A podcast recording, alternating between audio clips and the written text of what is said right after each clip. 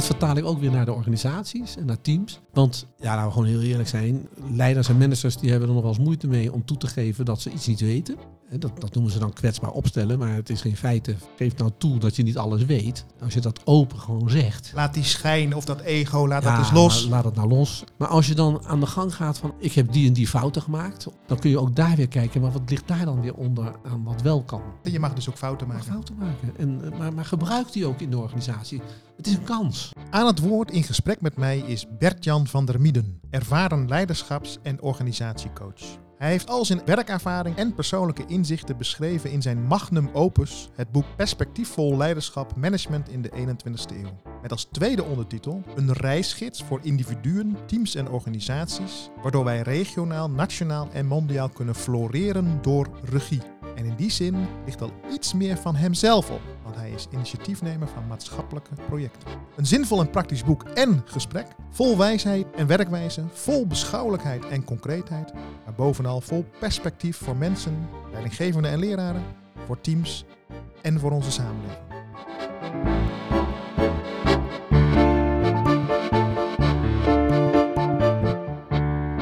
Nou, beste luisteraars, een eh, nieuw interview op de elfde verdieping, uitkijkend over Apeldoorn. Prachtige gezicht. Ik zit aan tafel met eh Bertjan van der Mieden. Dag Bertjan. Dag Taco. Dank dat ik hier mag zijn. Ja, welkom.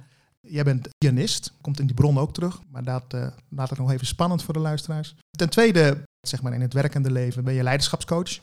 Nou, daar gaat jouw bron straks ook over. En ten derde, neem jij veel levenswijsheid mee, omdat je ook een psychotherapeutische, geloof ik, achtergrond hebt. Ja. Deze eigenschappen komen alle drie terug in de bron die jij meegenomen hebt. Wil jij de titel van de bron noemen? Want dat is je eigen boek. Ja, een eigen boek. En het boek heet Perspectiefvol Leiderschap, Management in de 21ste eeuw. Ik heb het boek van Bert-Jan nu in handen. Het is echt een boek. Het heeft wel ruim 750 pagina's. Het eerste deel, wat Bert-Jan goed eh, doet, is dat hij daarin eigenlijk al zijn ervaringen tot nu toe als leiderschapscoach en zijn, zijn werkmethodes beschrijft. Ongeveer 200 bladzijden. Dat is een eh, mooi geheel. Daardoor leer je heel goed kennen hoe werkt hij met scholen en met leiders. En wie is hij en vanuit welke mensbeeld en van welke achtergrond doet hij dat. 200 bladzijden die wat mij betreft gekarakteriseerd worden door een paradox. Namelijk, het is grotendeels heel concreet, met mooie oefeningen, veel oefeningen, veel schema's die je kunt invullen, die je kunt gebruiken als, eh, als leider als, of als team. En het is verdiepend, beschouwend. En die paradox zal denk ik ook wel terugkomen in ons gesprek. Het tweede deel is zo'n 500 bladzijden ongeveer met interviews met 49 mensen, leiders in allerlei contexten van de samenleving. Allerlei organisaties. Prachtige mensen, zoals eh, eh, mensen die me eh, soms wel kennen. Eh, het interview met Wessel Gansvoort vond ik bijvoorbeeld een prachtig interview. En zo zijn er 7 keer 7, 49 interviews. Het vijftigste interview is een lege interview, want dat zijn vragen. Want dan kun je de vragen die hij gebruikt heeft ook gebruiken om jezelf eens te interviewen. Ja. En die vragen, dat is eigenlijk een samenvatting of een toepassing van dat eerste deel. Dat eerste deel komt uit uiteindelijk op een interviewvragenlijst waar, waar het gaat over persoonlijke regie en over organisatieregie. Leuk vind ik ook dat Bert-Jan zijn eigen accenten aan het eind van alle interviews nog zet door een aantal citaten en van, van al die interviews op een rij te zetten. Daar kun je bij, bij wijze van spreken mee beginnen. Dan kun je daarna kijken van wat vind ik nou een interessante persoon, dan ga ik naar de interviews. En het derde deel, dat vind ik ook wel heel praktisch. Dat heet ook een werkboek. En daar zit ook een kaartenset bij, waarin allerlei werkwijzen, drijfveren, eigenschappen, kwaliteitsniveaus, piramide van vertrouwen, eh, verlangens, eh, maatschappelijke disciplines, rechten, sustainable goals, allemaal werksetjes die je als mens, als leider, kunnen helpen om naar je eigen leiderschap te kijken en naar hoe je dat met elkaar doet als team of als organisatie. Maar we gaan later dieper over, over de bron hebben. Een rijke bron. Ik zou bijna zeggen ook nog, omdat het dus concreet en persoonlijk is. Het is qua vorm misschien bijna een bijbel. Ik zal de vergelijking zelf niet maken, maar Nee, nou, kijk, ik moet denken Maar van zo'n mooi dik boek. Van, het is een eh, mooi dik boek. Ja, zoals mijn, mijn opa ook zo'n oude bijbel had. Ja. Maar misschien kunnen we het wel zo noemen, Bert-Jan. Het is wel een boek waarin een postmoderne levensfilosofie Klopt. Ja. Hè, dus het gaat niet alleen over concrete dingen, hoe kunnen we nou werken in een organisatie, maar er zit ook al hele beschouwing onder. Ja. Ja. Een levensboek om uit te leren. Een reisboek, zeg jij zelf ook. Een reisgids. Ja. Komen we later op terug.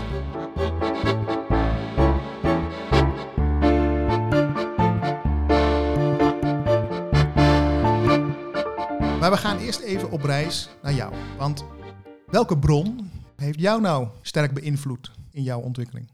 Nou, dat mag ook een persoon zijn. Hè? Ik ben op mijn vijftiende jaar ben ik het huis uitgegaan. En toen ben ik via een oom in een klein particulier jeugdhuis terechtgekomen.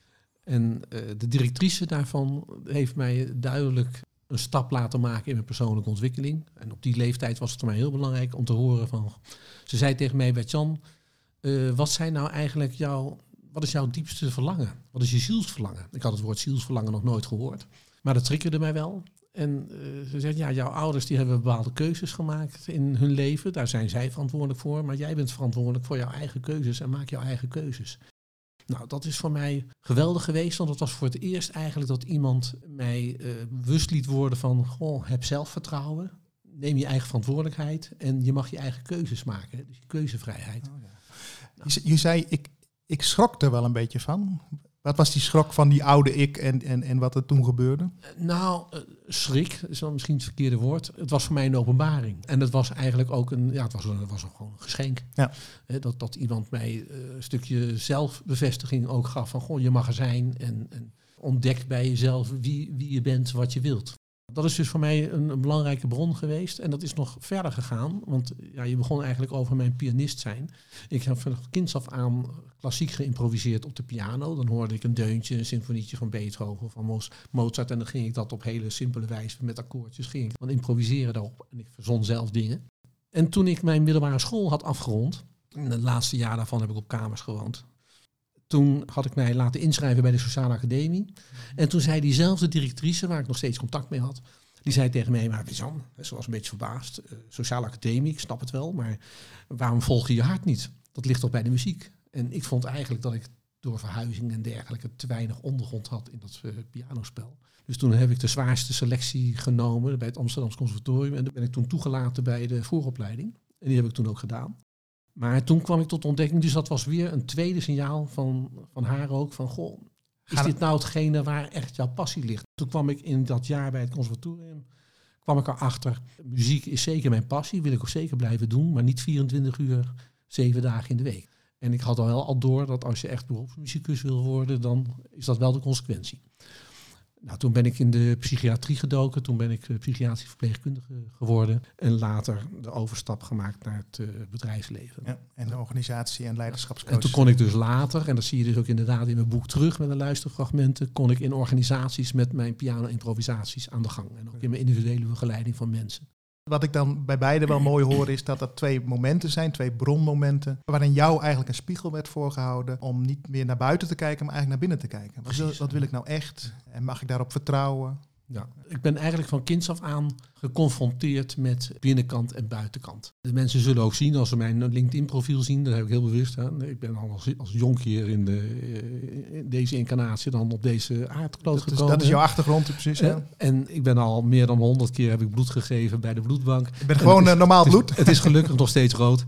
Maar ik heb toen van jeugd af aan, omdat ik er ook wel problemen mee heb uh, gehad, doordat andere mensen daar op een bepaalde manier je in een vakje stoppen en daarnaar kijken.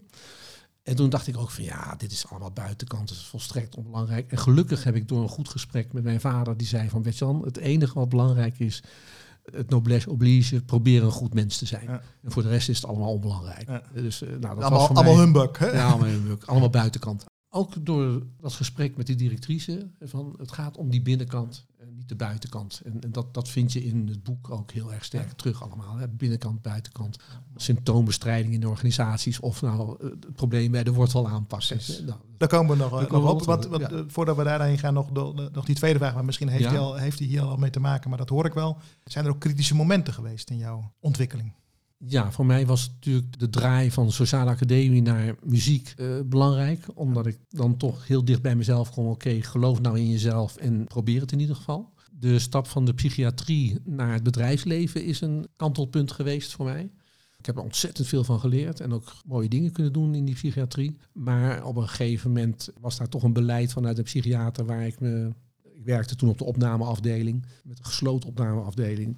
Kon ik me helemaal niet in vinden. Nee. En toen heb ik de overstap gemaakt naar het bedrijfsleven. En belangrijke omslagpunten daar zijn geweest dat ik tot twee keer toe een functie van mij zelf heb weggereorganiseerd.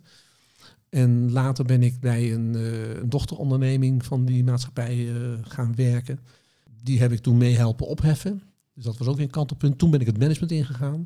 En vervolgens heb ik toen eh, na een aantal jaren in 1992 ontslag genomen en ben ik voor mezelf begonnen. Dus ik heb een paar keer, om zo maar te zeggen, zelf de regie genomen door, zonder dat ik wist wat, wat gaat er nu komen, aan de directie mijn functie aan te bieden en zeggen, oké, eh, dit, eh, dit is overbodig. Ja, precies. Daar zit misschien al die paradox in, eh, of een van de paradoxen die in jouw boek ook voorkomt. Dat je aan de ene kant een verlangen bent gevolgd op die momenten. En aan de andere kant je concrete doelstellingen hebt ge- gesteld. Ja, het is, het is bewust worden, bewust zijn en bewust doen. Die drie slag komt elke keer terug. Ze noemen me wel een realistische idealist Ja, of een ja. idealistische realist. Kijken, Ja. maakt me niet uit. Maar het, daar zit wel die tweeslag in.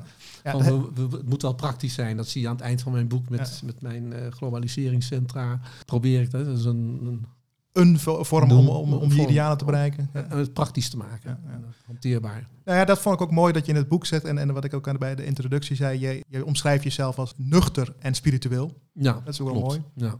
Kun je daar iets over zeggen? Nou, er is een uitspraak, ik weet niet wie hem gemaakt heeft, met, met je hoofd in de hemel en met je benen, met, met je voeten op de grond. Ja. Nou, en dat, dat klopt bij mij wel. Ja. En het leuke is dat dat, dat dat in dat boek ook terugkomt. Lezers die heel praktisch ingesteld zijn, zullen daar eh, eh, op aanhaken. Lezers die meer die beschouwende kant op, zullen daarop aanhaken. Of mensen die hetzelfde profiel hebben, die van beide houden. Ja. Maar het leuke is wel van het boek, dat, ik, dat krijg ik dus terug van lezers. Ja, ik word nou wel, de praktische mensen, die worden gestimuleerd in die spiritualiteit. En de spirituele mensen worden gestimuleerd in het praktische.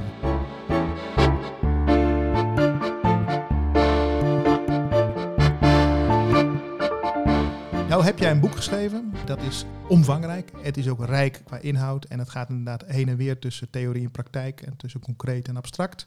En sowieso dat jij pianist bent en in de managementwereld zit en een consultant bent. Het geeft een rijk palet. Wat, wat doe jij nou heel erg goed en wat, ja, wat doe ik eigenlijk minder?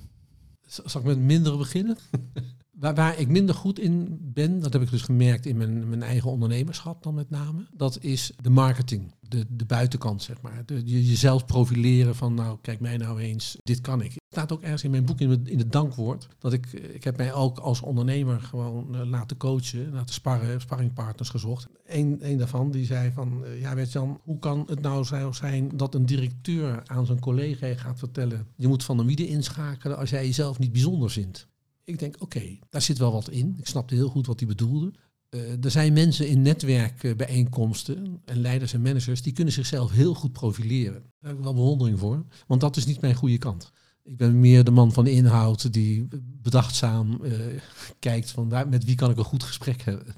Ja, doe me denken, ik heb een tijdje geleden met Le- Lenette Schuit een gesprek gehad. Ja. En zij werkt Ja. met, met een model van, een, een, ik zal je aanspreken, een drieslag van zielendrijfveren, ontwikkeldrijfveren en ego-drijfveren. Ja, En de mensen die je nu schetst, die goed zijn in, in die buitenkant, die, Ja. die zijn sterk op die ego-drijfveren. Die Ja. mogen we ook hebben hoor. Dat- ja alleen, alleen te veel is misschien Te veel eh, is er nooit goed, hè? nooit goed. Te is nooit goed. En jij zegt dus, eh, ja, eh, mijn, mijn tekort is eigenlijk dat, dat ik daar dus eh, wat op inlever. Ja, daar heb ik op in moeten groeien. En ik moet zeggen dat ja, ik ben twee jaar bezig geweest met dit boek. En ja, dit heeft me ook wel daarin weer geholpen. Ja. Want dan Ook weer zelfvertrouwen eigenlijk Ja, gegeven. ik merk gewoon van ja, oké, het, het- dat krijg ik ook nou terug van lezers. Van ja, je hebt daar wel wat neergelegd. Hè? Ja.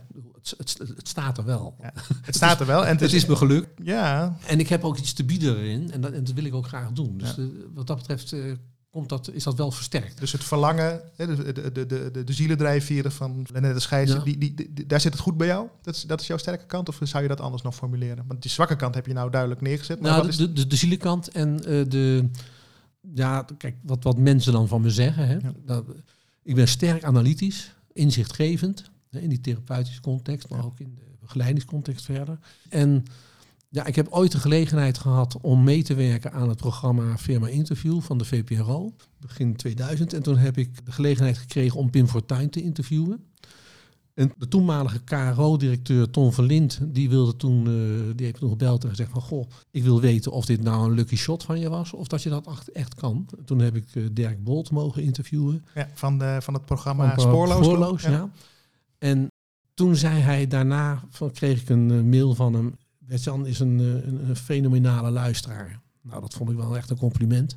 En kijk, als je nou kijkt naar mijn concept, hè, met, uh, het gaat altijd om vertrouwen. Daar komen we nog wel op terug. De drieslag vertrouwen, verbondenheid, vitaliteit. En hoe kom je tot vertrouwen? Dat lukt alleen maar door te luisteren naar jezelf, naar de ander en naar het andere. Nou, dat is levenslang leren, hè, zeg ik altijd maar. Maar ik blijk wel de kwaliteit te hebben, kennelijk. Ik ben ook wel eens de luisterleraar genoemd. Nou, dat, dat, ik ben, ben echt een, leraar wat dat betreft. Dus uh, hebt bouwers, regelaars en leraren. Nou, en ik ben echt, ik behoor echt tot de categorie leraar. En ik, ik leer graag mensen luisteren. Ja. Ik zit naar je te luisteren. Ik, ik zit nu te luisteren. En ik heb dat gevoel ook bij. Ik heb het boek gelezen. Ik, ik, zie jou nou ook. Ik heb, uh, we hebben kennis gemaakt. En uh, jij bent een goede luisteraar. En een luisteraar specifiek aan een bepaalde laag heb ik ook het idee. Dus niet alleen naar de oppervlaktelaag, maar ook naar wat zit er onder. Zit erachter, ja. ja. Sterker nog. Je kunt mensen tevoorschijn luisteren. Zou ik, kan ik het zo zeggen? Ja, dat is wel heel mooi gezegd. Nou, ik heb ook inspiratiediners georganiseerd en gehouden. En daar kreeg ik dus terug na afloop van die diners van Bert-Jan. Hoe is het in godsnaam mogelijk dat we zitten hier nou met een man of acht aan tafel. En jij leidt dat. En, en, we zijn zo open naar elkaar, terwijl we elkaar nog nooit gezien hebben. En die zeggen, ja, dat is jullie verdienste. Nee, zeggen ze toen. Jij hebt kennelijk de kwaliteit om mensen eh, dusdanig vertrouwen te geven en veiligheid, dat ze zich openen voor je. Nou, dat heb ik in de interviews ook gemerkt. Het is fantastisch, de openheid in de interviews. Maar we hebben het in het vorige gesprek al even over gehad. Hè. Er is aan mij veel meer toevertrouwd dan in het, boek, eh, staat. Dan in het boek staat. Zowel zakelijk als privé. Daar ben ik wel blij mee. Ik ben dankbaar voor dat, dat die kwaliteit in mijn leven is gekomen. Dat zal ongetwijfeld alles met mijn levensweg te maken hebben natuurlijk. Ik wil graag de link daarbij leggen naar het pianospel. Ja. Want als, laat ik hem zo zeggen, het pianospel, jij, jij bent een improviseur. Dus volgens mij luister je ook en luister je naar de muziek en brengt het, brengt het volgens mij tevoorschijn. Ja, wat er gebeurd is, ik, ik speelde dus van kind af aan piano. En in mijn individuele begeleiding heb ik op een gegeven moment pianospel erbij genomen, omdat het zijn volledig vrije improvisaties. Ik weet niet wat ik ga spelen en ik kan het ook nooit meer naspelen. Het zijn dus mijn zielenklanken, letterlijk. Letterlijk heb je het wat woord weer, de verlangens. En wat gebeurt er? Dat resoneert op de ziel van de luisteraar. En toen heb ik op een gegeven moment de stap gemaakt van uh, door een zaaltje te huren waar een piano was. En toen heb ik daar een twintigtal, vijfentwintigtal mensen gehad. Dat heb ik een stuk of vier keer gedaan. Om uit te testen, werkt dit nou ook bij groepen? En toen bleek dus dat er jongeren waren en ouderen, volwassenen, die tegen mij zeiden, weet je dan, ik hou niet van pianospel. Ik hou niet van klassieke muziek. Je zult geen cd bij mij thuis aantreffen. Maar je hebt me wel geraakt. Toen was de test geslaagd. En toen ben ik dat in organisaties gaan toepassen. En dan blijkt dus dat mensen die helemaal niks hebben met piano of met klassiek, die worden toch geraakt. Want ik eh, krijg dan contact met de ziel van de luisteraars. En nou, waarom doe ik dat nou in organisaties? Wat is, dat is het doel ervan? Dat Margreet tegen Klaas gaat zeggen en omgekeerd tegen Piet enzovoort. Van, goh, ik wist niet, want ik vraag altijd, wat is nou het effect van mijn pianospel? Wat, wat hebben jullie nou beleefd? Ja. Wat ervaren? En dan gaan ze dingen vertellen. En dan sommige mensen kennen elkaar 10, 15 jaar. En dan zeggen ze, nou, ik wist niet dat jij zo, uh, dat jij, oh, ben jij dit ook? Ja. Ik zeg, oké jongens, het is dan een luistersessie. En dan zeg ik, van nu gaan we kijken wat er speelt in jullie organisatie. Nou, en dan stel dat ik dat op een woensdag of donderdag doe in die organisatie. Dan hebben ze maandag weer hun traditionele vergadering. En dan zegt uh, Klaas tegen Margreet van nou, kom op, uh, nou gaan we het oplossen. Ze kijken elkaar op een andere manier in de poppetjes van de ogen. Dus ik ben heel dankbaar dat ik mijn pianospel kan inzetten in organisaties. En later heeft dus iemand tegen mij gezegd, een ondernemer, die zei, weet je dan, waarom ga je niet alleen maar optreden met jouw improvisaties? Want je brengt wat teweeg. En toen heb ik dus Classic Improvisations uh, opgericht zit mee te luisteren, dan pak ik er gelijk twee dingen uit. Eén ene kant, wat je dus met die piano doet, uh, of met, het, met de muziek kan ik beter zeggen, is dat je, waar we het eerder over hadden, van eh, de, de mensen niet aan de buitenkant raakt, maar ook aan de binnenkant. En dat, dat je dat hen zelf laat ervaren en dat dat dan iets teweeg brengt. Dat doet mij denken aan dat proberen hè, veel mensen ook in organisaties, probeer ik zelf ook. En dan hebben we vaak alleen eh, de dialoog eh, als eerste. Hè? En dat is goed, hè? want ik kom uit de traditie van de levensbeschouwelijke dialoog. Goede ja. vragen, filosofisch zou je kunnen zeggen. En dat helpt ook. Dus, dus dan lukt het ook om mensen... De, dan krijg je dezelfde antwoorden. Goh, dat wist ik niet van jou, dat jij zo in het leven staat. En jouw interviewvragen hebben dat ook. En tegelijkertijd vind ik wel het mooie als buitenstaander. Dan, je doet het met muziek. Even met een ander medium. En je doet het met stilte, zie ik ook in je boek. Ja, klopt. Dus ja, het boek begint met drie bladzijden stilte. Ja. ik werk erg veel met de stilte. In de muziek, in mijn pianospel zit zelfs ook wel de stilte. En Ja, dus ik, ik, ik heb ook gewoon soms stilteoefeningen in mijn trainingen. Ja. Schrik niet, eh, ik heb wel eens een keer een oefening gedaan, eh, verschillende keren zelfs, eh, van 10 minuten stilte. Dat is, dat is echt dat is 10 lange stoplichten. Hè? Dat, is, Ja. dat is echt je, hebt, je, hebt, je hebt ook zo'n klassiek fragment over van stilte. Wat was dat ook alweer? 2 minuten 17 stilte. Dat, Ja, dat klopt. Ja, ja, dat bestaat ook. Ja, geniaal eigenlijk. Ja. Nou, heel veel. Nee, maar mooi. Dus. Maar dat is dus de eerste die ik weer denk. En het tweede is, en ik denk dat de luisteraar dat ook wel heeft. Ik heb hier, en wij hebben hier te maken met, denk ik, een heel bezield en bevlogen mens. Het stroomt uit je. Hè, de, ervaringen. eh, het stroomt uit je pen. Want het is een, Ja, er ligt een lijf, het lijvig boek. En al, eh, je noemt al wat activiteiten die je doet. Ik ben even blij dat het toch genoemd is. Hè? Want je zei van mijn zwakke punt is dat, eh, dat ik dat niet zo goed kan. En dat zit denk ik ook in jouw karakter. Want je wilt naar die inhouden, naar die ziel. Ja, precies. Ehm, Maar ik vind het dan wel even leuk dat we nu wel even iets te horen krijgen van wat jij goed doet. En wat ook een goede sfeer geeft in het boek en ook in dit gesprek. Dus dank je wel daarvoor. Als ik er nog één ding aan mag Ja, toevoegen, zeker. dat vond ik zelf fantastisch. Ik ben, ik ben helemaal niet technisch. Maar je hebt nou met QR-codes, Ja. kon ik dus nu luisterfragmenten, want ik heb ook een, eh, een digitale piano, dat ik gewoon overal kan meenemen. En ik kan dus, er staan dus nou ook luisterfragmenten in het boek. Dus ik, het boek nodigt uit tot zelfreflectie, niet alleen maar met je hoofd, maar ook van, joh, ga nou eens lekker met je naar binnen en naar je gevoel.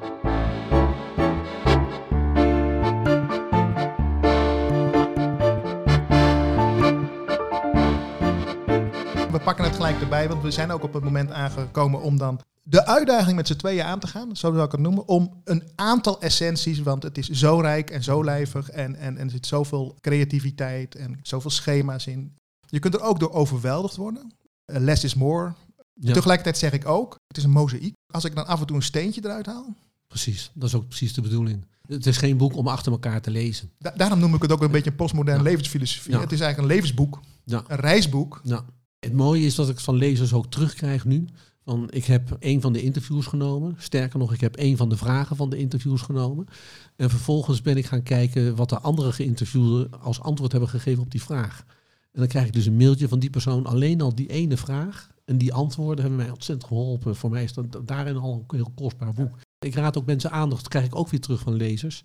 Pak eens een keertje een interview en pak dan een van die 200 bladzijden van die eerste, wat jij schetste van het begin. En kijk dan eens naar de methodiek en het instrumentarium, naar een van die overzichten en kijk dan wat van je gading Ja. is. Kijk, een Bijbel le- lees je ook niet in één keer uit. Hè? Dus eh, Dat is, dat is nou precies waarom ik ook Ja. die vergelijking... Niet zozeer inhoudelijk dat het een bijbel is. Hè. Terecht zeg je van, dat, dat hoeft maar niet. het, Maar het functioneert een beetje wel zo. ja, en, en gun het jezelf dat je een boek hebt wat je niet zomaar op schoot kunt leggen, maar waar je echt eventjes voor moet gaan zitten. Ja.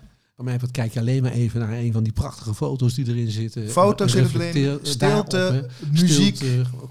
Gun jezelf een moment voor jezelf en voor elkaar. Hè, met die regiekaarten ook. Voor mij was de meest indrukwekkende, maar dat is, eh, misschien heeft dat dan even, dat het nu resoneert, is de foto van de Albatros met het muziekfragment. Ja, Prachtig, over wijsheid. ja, Ja. mooi hè. Ja, Ja, mooi. prachtige foto. Bedankt.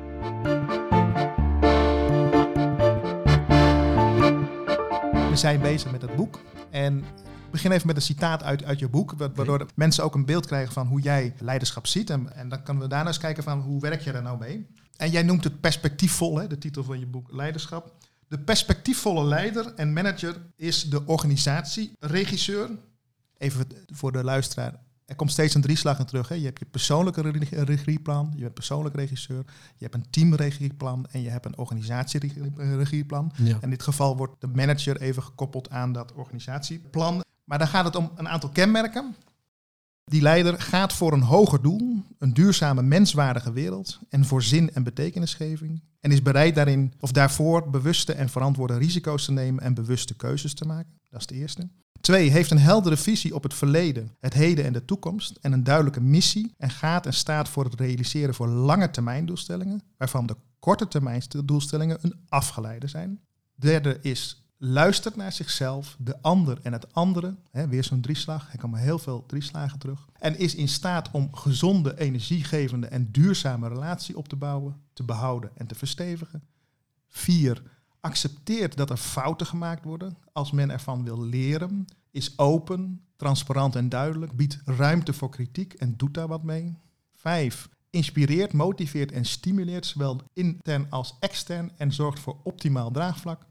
En tenslotte, en misschien wel de uitsmijter, stelt de mens centraal en stemt de individuele, de team en de organisatiedoelstellingen optimaal op elkaar af. haalt daardoor het optimale uit zichzelf, de ander en de organisatie en zorgt voor tevreden share en stakeholders. Nou, mond vol. Hè? Je kunt gerust nog even terugspoelen om nog eens te luisteren. ja, doe dat.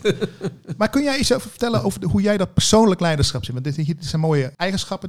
Bij dat laatste bijvoorbeeld begin, hè? die mens staat zo centraal bij jou. Dit geeft in de kern weer waar het over gaat. Perspectiefvol leiderschap, ik heb het bewust zo ge- genoemd, omdat het erom gaat dat je jezelf en elkaar en de organisatie en de samenleving, de wereld, perspectief biedt. Maar dat is altijd gebaseerd op persoonlijk leiderschap. Daar ligt de nadruk op. Als je het hebt over, ik heb altijd weer die drieslag hè, van onzekerheid naar vertrouwen, van vertrouwen naar verbondenheid. Want dat is de twee pijlers waarop je kan komen tot de derde pijler van regie. En dat is vitaliteit. Ik herhaal het even ook voor de luisteraar. Dus drie waarden die continu belangrijk worden, ook systematisch steeds uitgewerkt worden. Het bereiken van vertrouwen, Ja? het bereiken van verbondenheid en het bereiken van vitaliteit. Vitaliteit, ja. Ik heb dus in mijn eigen staf- en managementfuncties gemerkt, het gaat altijd, en dat hoor je dus nou ook in de, van mij, zelfs in de persconferenties, hè, van het gaat altijd over vertrouwen ook. En toen heb ik bedacht in 91, toen ik dus besloot om ontslag te nemen en in 1 mei 92 voor mezelf te beginnen. Ik wil een methodiek en instrumentarium ontwikkelen van hoe men tot vertrouwen komt. En als het vertrouwen is weggevallen, wat heel vaak het geval is, hoe kan ik het vertrouwen weer herstellen? En als het er is, hoe kun je het vergroten en verdiepen? Dan, want dat is de basis om tot die verbinding te kunnen komen met elkaar. Nou, wie is dan degene die wie vertrouwt? En dan kom je dus op mijn, zoals ik dat genoemd heb, het multimensmodel. Waarin ik zeg van oké, we hebben allemaal last van onzekerheid in meer of mindere mate. We hebben allemaal last van onze minderwaardigheidsgevoelens en minderwaardigheidsgedachten. En angst en onzekerheid. En We geven dat niet allemaal toe. We geven het niet toe, maar Soms ook niet naar onszelf. ook precies, maar ik denk dat de luisteraars zullen beamen van oké, hier heb ik ook wel eens last van. Eh, Ik ben ook niet volmaakt. Nou, niemand is volmaakt eh, wat dat betreft dan. Dus we hebben die, wat ik heb genoemd, de schijnpersoonlijkheid. Het is wel degelijk een persoonlijkheid, maar het is niet onze ware persoonlijkheid. En die ware persoonlijkheid, die heb ik het zelf genoemd met een grote hoofdletter. Of het zijn, hè? schijn en zijn is zo'n zo'n En dan krijg je dus de twee, ook weer een drieslag eigenlijk van Ja. these en antithese. Eh, de, de wereld der tegenstellingen, daar, daar leven wij hier in. Ja. We leven niet in het paradijs. Maar in die wereld der tegenstellingen, dat is eigenlijk het grootste geschenk wat ons leven heeft gegeven. Dat we die schijnpersoonlijkheid hebben. Want daardoor kunnen we ons bewust worden van de synthese. Ja.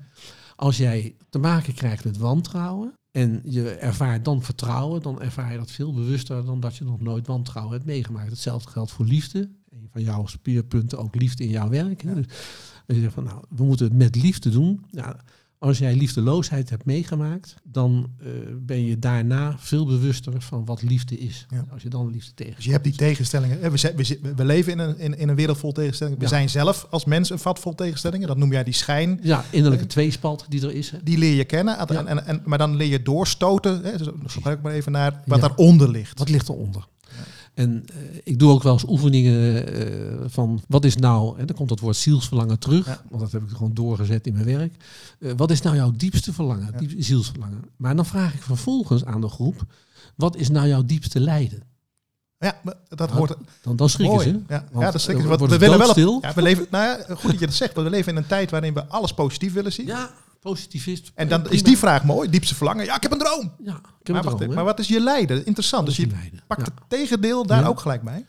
En nou komt het, dat is, dat is het mooie ervan, want dan hebben ze dus dat lijden opgeschreven. Ja. En dat is fantastisch, dat doen ze blanco op, op, op vierkante Voor blaadjes zichzelf. zelf, voor zichzelf. En dan neem ik die blaadjes in en dan ga ik dat lezen. En dan zien ze, doen ze dat ook in klas, in, op school. Ja. Heb ik dat ook gedaan bij de les Ja, je, je, levensbeschouwing. je bent Ja. wel bij, bij, bij onze collega Dirk van der Glint hier Ja, in Apeldoorn eh, in de les geweest. Hij is inmiddels gestopt, maar Ja, hij is gestopt. Ja. Vele jaren heb ik daar gastdocent mogen zijn. En dat deed ik deze oefening ook. met kinderen, Met kinderen Dus- van eh, tussen 5 HAVO, 5 VWO. Ja. En, eh, jongeren. hè, Ik moet eigenlijk naar jongeren ja, ja, ja. Nou, en die schreven dan ook, en dat kun je soms echt van schrikken hoor, wat, wat, wat er dan als lijden uitkomt bij die jongeren. Ja, Nou, en dan is het doodstil in de klas, want dan merken ze dus ook van, goh, er is hier dus nog iemand die eenzaam is. Er is hier nog iemand die problemen thuis heeft, nou, enzovoort. Hè? Nou, soms zelfs tot suicidaal toe. En dat, gelukkig wordt dat door Dirk van der Gint, werd dat ook opgepakt weer allemaal. Hè? Dus Ja. ze konden ook met mij eh, mailen en bellen.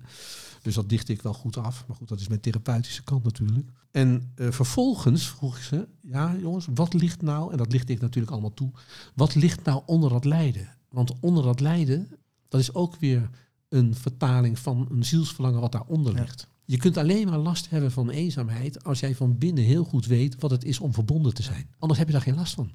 Dus eerst, als ik het eh, zo, zo samenvat, zeg je van nou, we gaan zoeken naar verlangens. Nou, dat willen we wel. Dan daag je gelijk uit, maar je hebt niet alleen verlangens in je leven, je hebt ook lijden in je leven. Nou, Eh, en pijn, hoe je het ook wel wilt noemen.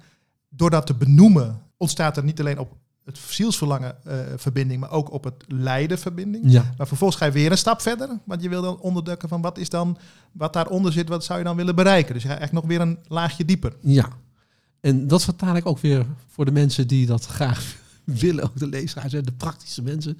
Dit vertaal ik ook weer naar de organisaties en naar teams. Want ja, laten we gewoon heel eerlijk zijn. Leiders en managers die hebben er nog wel eens moeite mee om toe te geven dat ze iets niet weten. Dat, dat noemen ze dan kwetsbaar opstellen, maar het is geen feite. Ja, geef nou toe dat je niet alles weet, dat je de wijsheid niet in pacht hebt. Als je dat open gewoon zegt, Laat die schijn of dat ego, laat ja, dat eens los. la- Laat het nou los. Maar als je dan aan de gang gaat van oké, ik heb die en die fouten gemaakt, of ik heb die vergissing begaan enzovoort, dan kun je ook daar weer kijken, maar wat ligt daar dan weer onder aan, aan wat wel kan? Ja. Hoe, hoe moet het nou beter? Er is ooit eens een, eh, een, een directeur die mij verteld heeft van ja, er heeft een van mijn eh, ondergeschikten, die heeft een kapitale fout gemaakt. Die heeft ons miljoenen gekost. En toen heb ik hem bij me geroepen en toen dacht hij dus dat hij ontslagen werd. Ik zeg nee, ben je bedonderd. Je wordt niet ontslagen, je gaat het nou herstellen. Want je weet nou wat er fout is, dus- maar je weet ook wat er goed kan. Dus dat is wat je zegt, en je mag dus ook fouten maken. fouten maken. En, eh, maar, maar gebruik die ook in de organisatie.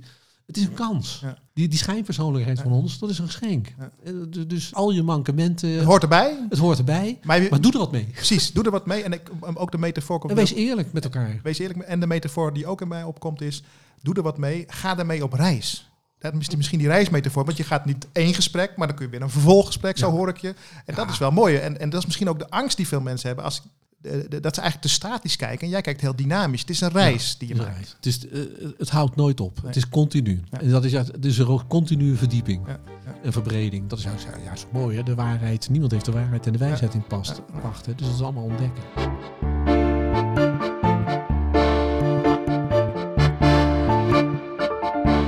Hiermee geef je volgens mij al een prachtig voorbeeld van de beschouwelijkheid en Ja. de spiritualiteit die in jouw boek zit.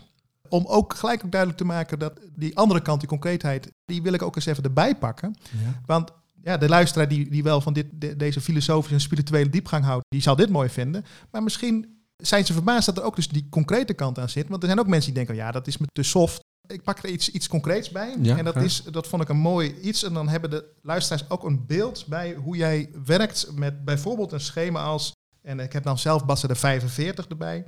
En Dat kun je op persoonsniveau doen, kun je op organisatieniveau doen, dat kun je op teamniveau doen. Je kunt zelfs ook op professioneel niveau doen, dacht ik nog later. ja, klopt. Maar je doet eh missie-visie. Hè? Heel scho- veel scholen, veel, eh, weet ik, zijn daarmee bezig. Veel organisaties zijn ermee Ja. bezig.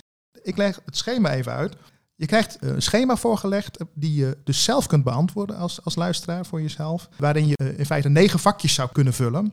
Want je hebt rijen en kolommen. En eh, de kolommen zijn de drie waarden, zeg maar, of de drie ontwikkelingen die wil Bertjan dat jij die doormaakt, of de organisatie die doormaakt. Namelijk de stap van onzekerheid naar vertrouwen.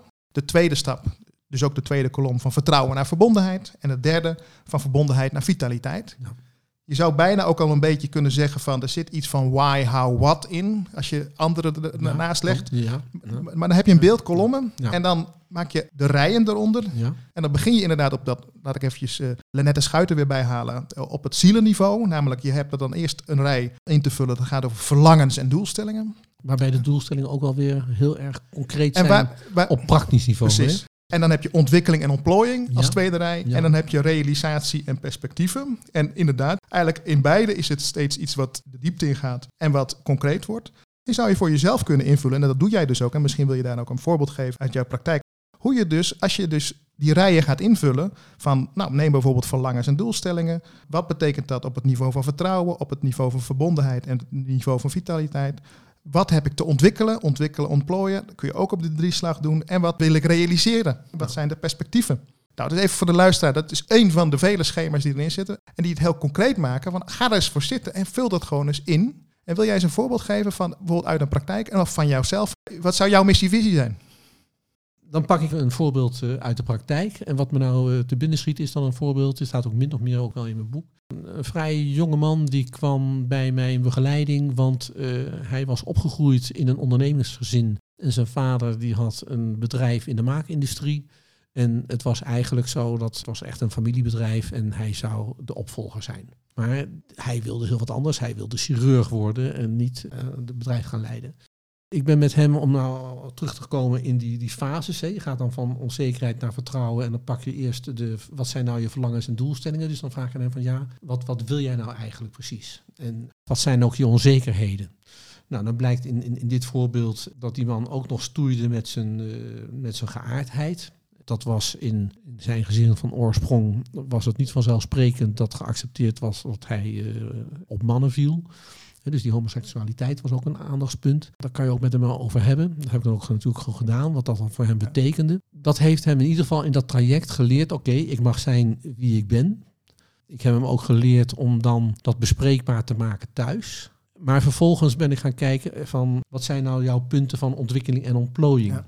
Dus je gaat het schema met hem verder invullen. Ik ga gewoon met hem invullen dan. Hè. Dat, dat geeft de mensen ook houvast. Ik heb natuurlijk ook uitgelegd uh, hoe dat multimensmodel dan in elkaar zit. Want dan begrijpt hij ook beter hoe zijn ouders in elkaar zitten. En dat zij ook hun waarden en normen hebben en mogen hebben.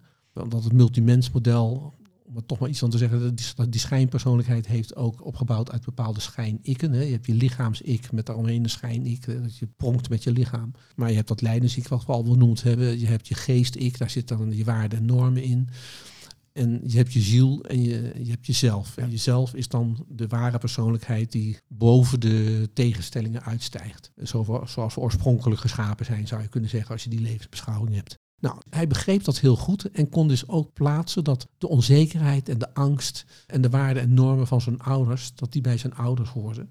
Als hij dat begrijpt, kan hij ook met meer innerlijke rust over zijn geaardheid praten met ze. Ja. En dat ook bij hun laten verder. De tweede trap, ontwikkeling en ontplooiing, dan ga je dus kijken van ja, wat wil jij nou, wat kan jij nou en wat ga je nou doen? We hebben dus gehad over de, de, opleidingen, over wat hij met zijn, zijn opleiding dan verder wil doen. Ja, of die chirurg of, of uh, chirurg en dergelijke. Nou, en bij hem kwam er dan uit dat hij wilde ook met die, die geaardheid van hem, wilde hij wat doen.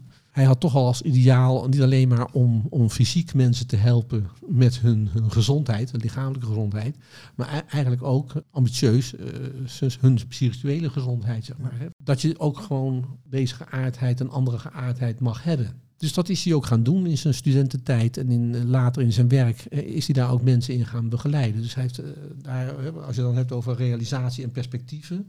Hij had natuurlijk simpel kunnen zeggen, nou ik word chirurg klaar, huisje, boompje, beetje enzovoort. Maar hij had daar dus toch nog een ideaal bij, een maatschappelijk ideaal. En dat heeft hij op die manier dan toch door daar gespreksgroepen te organiseren, heeft hij dat gestalte gegeven. Nou, en dan, krijg je dus, om door die fases heen te gaan, je gaat eerst van onzekerheid naar vertrouwen. Dus hij moest persoonlijk moest hij in zijn eigen kracht eh, komen te staan. om het zo maar te op, zeggen. de, op die thema's, ja. ja. Op die thema's. Dan vervolgens van vertrouwen naar verbondenheid. Want hij wilde toch de relatie met zijn ouders goed krijgen.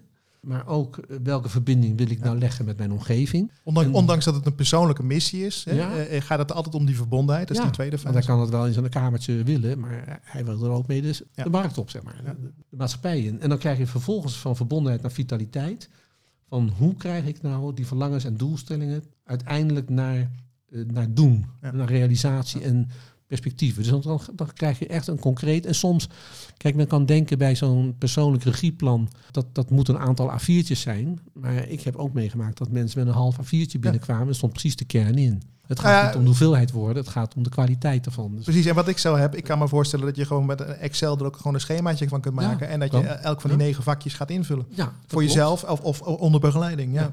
Ja. en ik heb dus als verderop in het boek dan nog uitgewerkt met, met wat zijn nou je struikelblokken die je tegenkomt in de, in, bij jezelf, in je team en in je organisatie. Maar wat zijn ook de bouwstenen die je hebt om met die struikelblokken ook, om die om te buigen naar kansen, mogelijkheden, et cetera. En zo geef je dus hè, weer een instrument, hè, maar dat is het mooie. Je geeft een instrument op een persoonlijk regieplan, een teamregieplan ja. en een organisatieregieplan. Plus dat je dat dan weer steeds weer verder verdiept, eigenlijk weer ook op reis gaat. En dan kom je struikelblokken tegen, dan kom je ook bouwstenen tegen.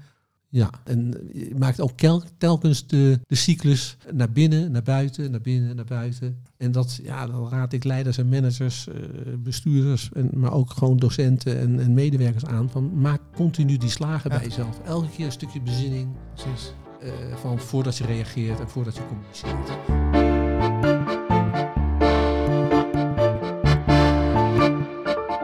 Het gaat over willen, voelen, hè, de verbinding voelen en, en doen, weet je wat. Er zit, er zit, eh, en ook denken er zit erin. Dus je, je raakt aan, aan ve- vele facetten in. Ja. Stel dat je nou een kritische eh, lezer hebt of kritisch mens, ja, ik heb helemaal niks met levensbeschouwing. Kun je inderdaad ook gewoon zonder die aspecten van je boek er ook mee werken? Als organisatie of als persoon? Nou ja, kijk, ieder mens heeft een levensbeschouwing. En, eh, maar ik bedoel dus met levensbeschouwing niet dat je per se eh, religieus Nee. moet zijn of kerkelijk of wat dan ook. Als jij atheïst bent, en als, ik heb verschillende mensen begeleid die zeggen, nou ik ben hier geboren en ik, ik ga dood en daarvoor is niks en daarna is ook niks. Ik zeg nou prima. Kijk, ik, ik ga wel zover dat als mensen zeggen van ik, ik, ik ben mijn brein, ik ben mijn hersens. Ik zeg van nou jongens, dat is niet zo, want die hersens gaan dood. Ook al geloof je niet in dat je een ziel hebt. In het interview met Wessel Gansenvoort Ja. komt naar voren dat hij het aan duizenden mensen heeft gevraagd. En Ja. zegt, nou, er is bijna niemand die zegt dat hij geen ziel heeft. Ja. Dus ik geloof wel dat iedereen een ziel heeft. Ik heb Dat er ook al ik leuk, van ik hem. heb ook een Maar- mooie ooit van, ik weet niet van hem was, maar van iemand gelezen en dat heb ik altijd onthouden. Dat hij zei van, joh, wij hebben geen ziel, eh, zeggen mensen dan, hè, wij hebben geen ziel, we, we kunnen hem je aanwijzen. Nee, zei die persoon die dat schreef, dan zeg ik altijd van, wanneer je erop getrapt wordt, Ja, precies. dan blijkt je opeens Een prima te weten waar Ja. je een ziel eh, zit. Nou, zo mooi, bedankt. Nee, maar kijk, ook die mensen hè, die dus gewoon een levensbeschouwing hebben zoals ik net schetste.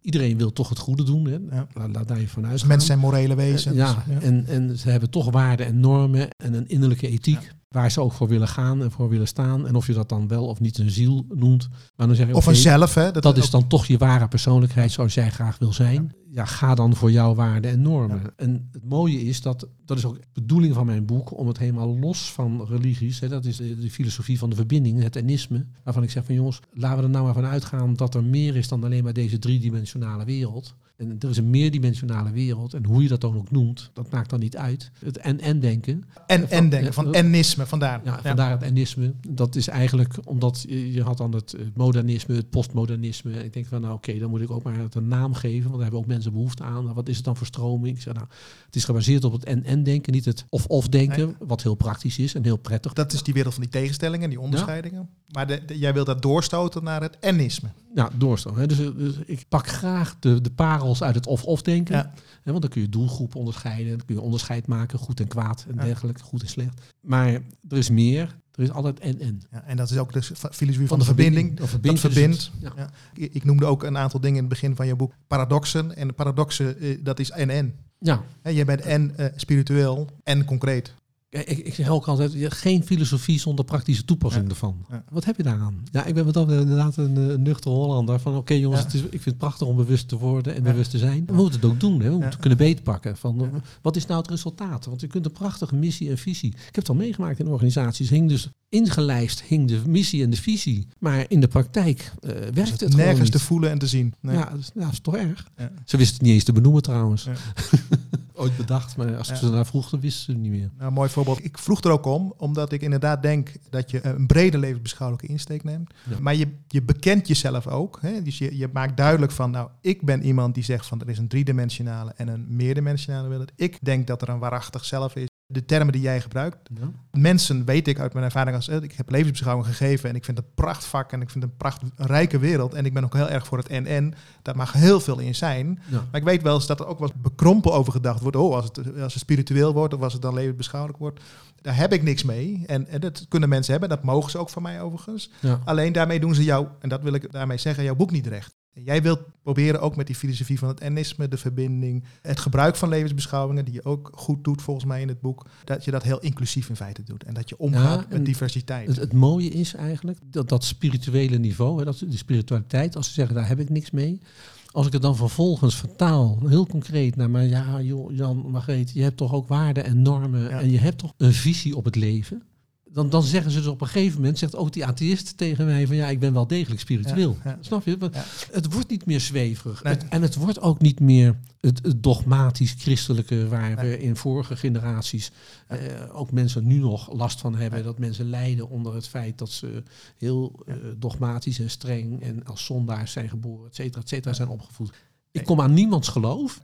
Maar als, als mensen bij zichzelf kunnen komen van, goh, ik mag er zijn en ik, ik heb mijn eigen waarheid ook, hoe beperkt die ook Ja. is, maar ik heb hem, en mijn eigen wijsheid. Ja.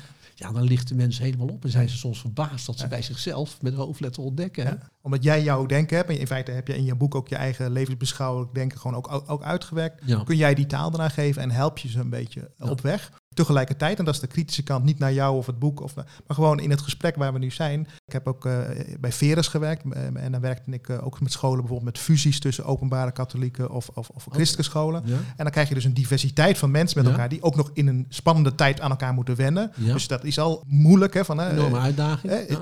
Vaak in het eigen team is, is de diversiteit groot. Dan heb je meerdere teams en er is verlies, want er, leerlingen zijn weg. En.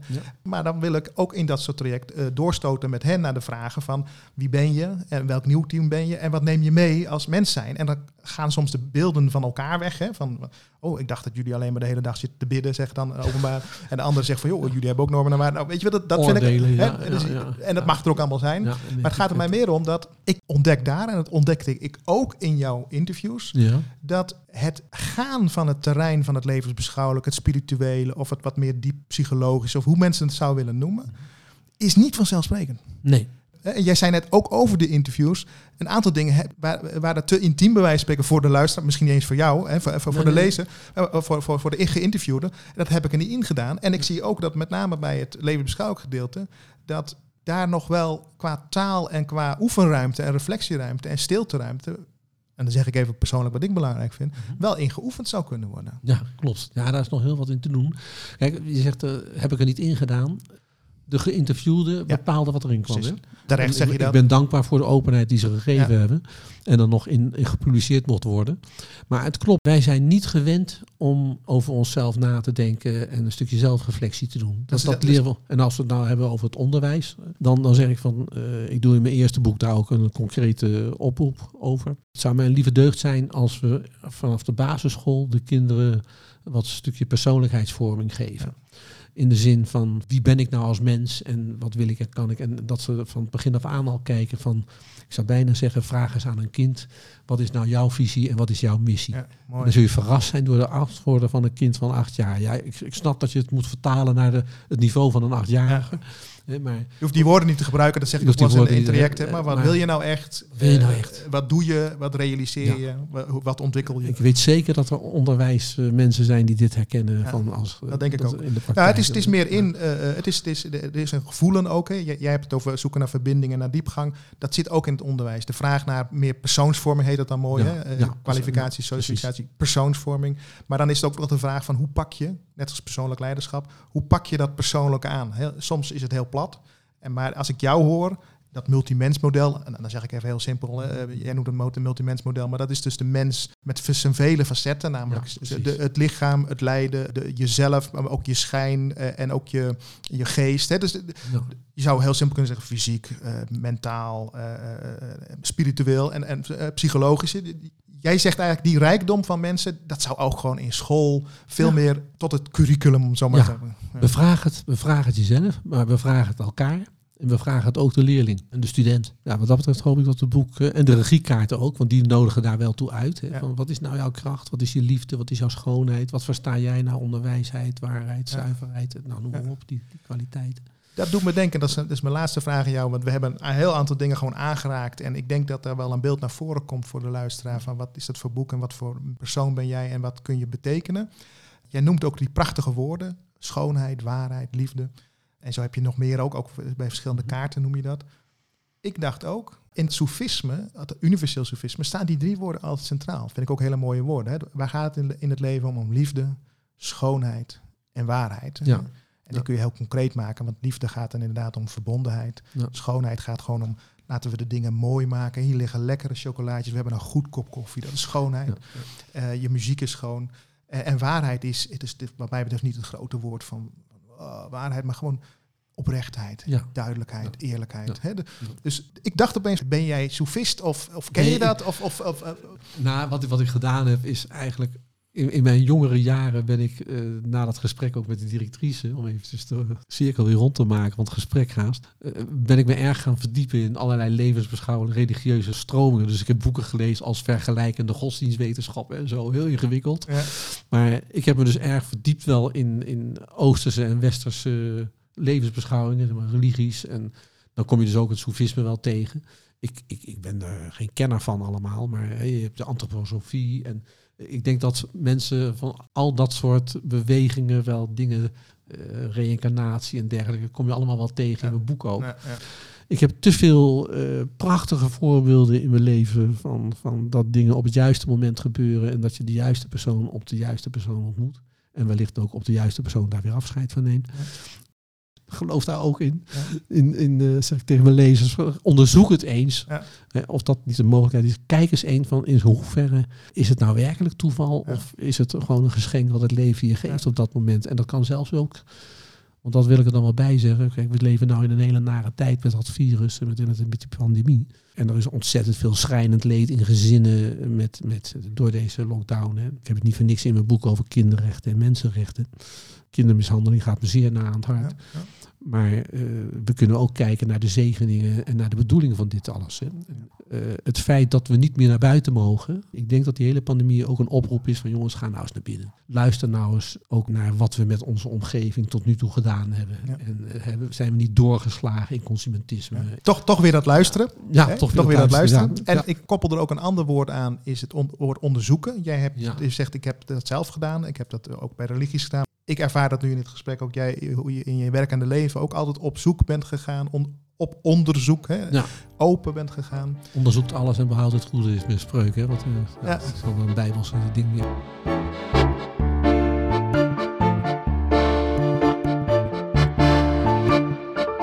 Tot slot een aantal uitsmijters, een aantal tips voor de luisteraars. Uh, bijvoorbeeld welke bron moeten zij bestuderen, uh, onderzoeken, zou ik bij jou dan zeggen. Of welke ervaring gun je mensen, is ook een van jouw vragen trouwens, hè, dat gunvragen in, in jouw interview. En de vraag van, wat is nou echt belangrijk om eens goed in te oefenen? Als ik het dan over bronnen heb, kijk, er zijn, er zijn geweldige managementboeken, ik heb ook een paar planken vol staan. Maar ik, ik maak even een rare sprong misschien. Ik zou zeggen, als je nou eens een, een boek wil lezen wat heel anders is, lees dan eens de, de brief voor, voor de koning van Tonke Dracht. Ook een film van gemaakt, fantastische film. En waar denk je dan aan? Wat is het specifieke wat dat... Het specifieke is daar ook, hè, die, die theorie, uh, die, die moet dus, eh, om zo'n ridderslag te krijgen, moet hij waken een hele nacht met zijn, uh, zijn medekornuiten. En dan wordt er op de deur geklopt door een, een, man. En, dan, en dat mag niet. Hij mag niet praten en hij moet de hele nacht waken. En hij mag dus zeker niet gehoor geven aan die oproep. En dat doet hij dan toch. Hij maakt dus een hele duidelijke keuze van dit is mijn innerlijke waarheid. Ik moet die man, moet ik helpen. Ook al kost me dat mijn ridderslag. Waar hij jaren naartoe heeft toegeleefd. Hè? Wat van zijn ouders ook gevraagd werd. Dus hij gaat voor zichzelf en vervolgens maakt hij een reis en daar maakt hij bepaalde keuzes in. En ja, daar zitten eigenlijk best wel wat eh, management- en leiderschapselementen Lessen in dat boek. Hè? Lessen in het hele verhaal. En een tweede boek is, als je het dan hebt over van, goh, probeer nou eens een, een, een beeld te maken met dat meer, van dat meerdimensionale. Ben ik zelf erg getroffen geweest door In de Band van de Ring van Tolkien. Okay fantastisch gedaan. Is ook, ook fantastisch verfilmd, hè, de Hobbit en de Band van de Ring. Maar dan zou ik zeker in de Band van de Ring. Het is mooi om eens in een andere wereld te gaan kijken. En dat is te betrekken van, ja, wat kan ik hier nou mee in mijn eigen leven? Heel concreet in mijn werk. Dus dat zijn eigenlijk twee boeken die ik dan tot grote verrassing zal aanbevelen. Oh, in plaats van alle, alle boeken die je op managementboek kunt vinden. Als jij vraagt van, goh, wat gun je als ervaring? Ja, dan kom ik toch weer terug op. Uh, daarom heb ik heel bewust, uh, niet eens als gimmick, maar gewoon heel serieus, uh, eindig ik het boek, begin ik het boek met stilte. Gun jezelf nu eens in de hele hectiek van de dag de stilte. Ik heb zelf een, een, een, directeur gehad die elke dag tussen de middag een kwartier meditatie deed. Telde hij ook gewoon openlijk. Zegt dat laat me enorm op om eventjes de ochtend eventjes helemaal weg te vegen en het klaar te maken voor de middag. Bijzonder effectief word je daardoor gun jezelf in leven, wonen, werken gewoon ook een stukje stilte. En, en, kijk eens wat, wat er dan gebeurt in jezelf. Hè. Dat probeer ik dus met het pianospel ook, het pianospel ook te bevorderen. Dan en, ja, en dat kan zelfs al, als ik je even mag ja. onderbreken, met, ik heb onlangs een iWatch gekregen. Uh, die, die geeft ook aan af en toe dat je per dag een minuutje moet ademhalen. Ja. Zelfs, dus als je niet van meditatie bent of zo, nee, maar dat brengt je al in een andere staat. Gewoon ademen, gewoon op je stoel zitten, ademen. Je hoeft niet het hele yoga te gaan doen. Het kan Jij gunt iedereen van wat het, wat het met je doet als je tot stilstand komt. Stilstaan maakt snelheid, zeg ik dan wel eens. Hè. Van, uh, sta nou gewoon stil en dan ga je daarna veel sneller vooruit. Bereik je veel meer door gewoon eventjes rust te pakken. Ja. Nou, en wat zou jouw vraag is ook van wat... wat uh, oefenen. Wat wil je oefenen? oefen in luisteren naar, je- naar jezelf. Oefen in luisteren naar de ander. En oefen ook in luisteren naar het andere. Ontdek het gewoon. Hè. Welke wonderlijke gebeurtenissen Ja. er zijn. En ook heel concreet, hè. ga als, als katholiek een keertje naar een, eh, naar een synagoge en ga als protestant een keertje naar een... eh, Nou, de School of Life van de, de Moskee. atheïst uh, uh, Alain de Botton bijvoorbeeld. Ja. ontdek gewoon eens een keertje hoe het heel anders kan zijn. Dat, dat kun je, dat geeft een enorme rijkdom. Dat is namelijk is ook een van mijn stokplaatjes, die multidisciplinaire samenwerking. Van kijk nou eens wat er in andere afdelingen, andere disciplines eh, gebeurt. En Ja. ook in andere maatschappelijke disciplines. Ik, ik heb echt concrete voorbeelden hoe ingenieurs samen met een kunstenares eh, een project hebben gedaan. Wat er dan Daar eh, heel veel van creatief eh, gebeurt. Ja, gebeurt er heel veel. En je had nog een derde vraag, meen ik? Dat was hem, de, de, de oefenvraag. De oefenvraag, ja. Het is denk ik al heel erg rijk. Dankjewel voor wat je meegeeft. En ik heb, het, ik heb zelf dit gesprek ervaren als een mooie reis in jouw gedachtegoed. En een rijke reis eh, van allerlei beelden en metaforen. Misschien is dat ook wel voor mij een mooie afsluiter. Datgene wat je aanreikt in concrete zin en ook in beschouwelijke creatieve zin. Ik heb het in ieder geval bezien als allerlei metaforen die je aanreikt. Allerlei verhaalvormen. Nou, noe, hè, dus niet per Mhm. se allemaal in cognitieve vormen. Maar allemaal beelden die je aanreikt om je over dingen na te laten denken. Of het nou je missie is, je persoonlijk, of van je organisatie, ja. of van je leiderschap. Plus dat het daarna gewoon heel erg leuk is om af en toe zo'n eh, zo'n zo'n interview uit je boek erbij te pakken. Ja. En ik heb genoten van het interview met jou. Dankjewel. Ja, jij ook reuze bedankt. Je was een fantastische reisleider. En ik vind het heel knap zoals je de, de essentie uit mijn boek hebt gehaald. Dankjewel.